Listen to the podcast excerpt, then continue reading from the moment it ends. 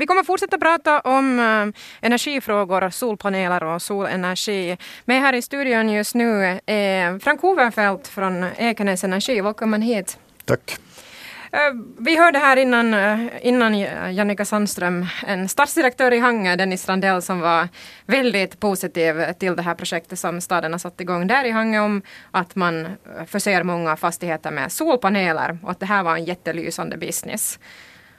Tycker du att det är lika lönande för en vanlig meikäläinen, alltså en vanlig privatperson, det beror, beror på att, att det här att Dennis är, är positiv, så det, det, förstår jag och han har all orsak att, att vara glad, glad och stolt. Det här, att, att städerna har ju jättebra Eh, ska säga, förutsättningar för att, att bygga solenergi lönsamt. De har i regel en, en stor elförbrukning också på sommaren. De har ventilation och centralkök och sådana här saker som, som, produc- eh, som förbrukar el också på sommaren och då är det också mer lönsamt att producera själv en del av sin el. Och sen får de också investeringsstöd och de får dra moms och sådana här saker som ekonomiska fördelar. Eh, man kan nog också bygga lönsamt solpaneler på, på många egna hus, men det är ingen självklarhet. Utan det beror hemskt mycket på hur stort hus man har, hur mycket el förbrukar man på sommaren och, och kan man ta tillvara den här elen som man själv då producerar på sitt tak och så, och så vidare. Att det är ingen, ingen entydig fråga.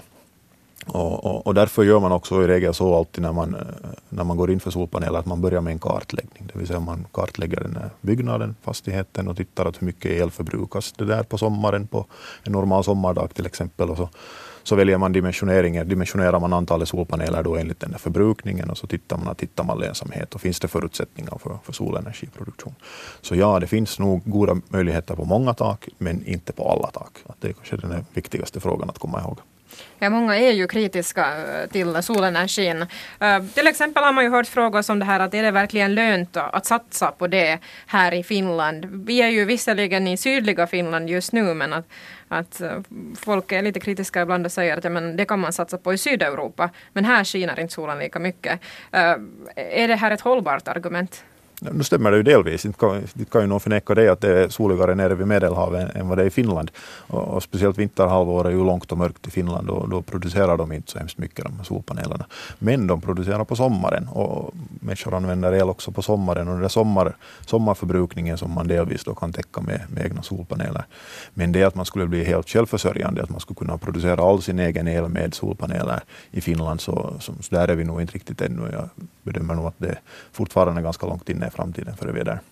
Du sa det här att um, det här med, med, med, om man vill ha solpaneler på sitt hus så, så börjar allt med en kartläggning uh, för att helt enkelt se att hur, hur soligt området är, hur bra är placeringen av huset för det här. Men kan man se så här allmänt i Västnyland att, att en stad eller kommun skulle vara bättre än någon annan by eller så när det gäller uh, sol? Det kan man kanske säga att ju längre ut i havsbandet man går, desto soligare är det. Och, och, och, så är det bara, det beror på molnighet och sådana här saker. Och, och därför är ju Hangö nog en, en bra sak. Att, äh, stämmer det att det är säkert i medeltal lite soligare i Hangö än vad det är längre inlands. Och, och, just längs med kustremsan i, i, Finland så finns det jättebra solförhållanden. Helt jämförbara med, med centrala och södra Tyskland till exempel vad gäller solenergiinstrålning per år. Så det finns goda förutsättningar nog för, för sol och hela södra Finland är ju nog ett, ett bra område. Jag har med mig alltså vdn för Ekenäs Energi, Frank Hovenfeldt här i studion. Äh, Frank, om man då funderar på det här med solpaneler, åt vem skulle du rekommendera uh, de här solpanelerna? Ni säljer ju till exempel då solpaneler också, Ekenäs Energi alltså.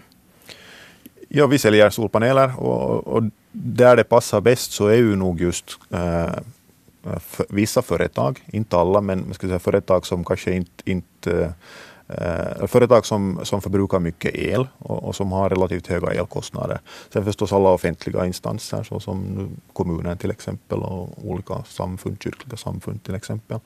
Eh, privata hushåll där man, där man det här, eh, kyler till exempel sitt hus på sommaren med en, till exempel en luftvärmepump, att man har kylning i sin fastighet.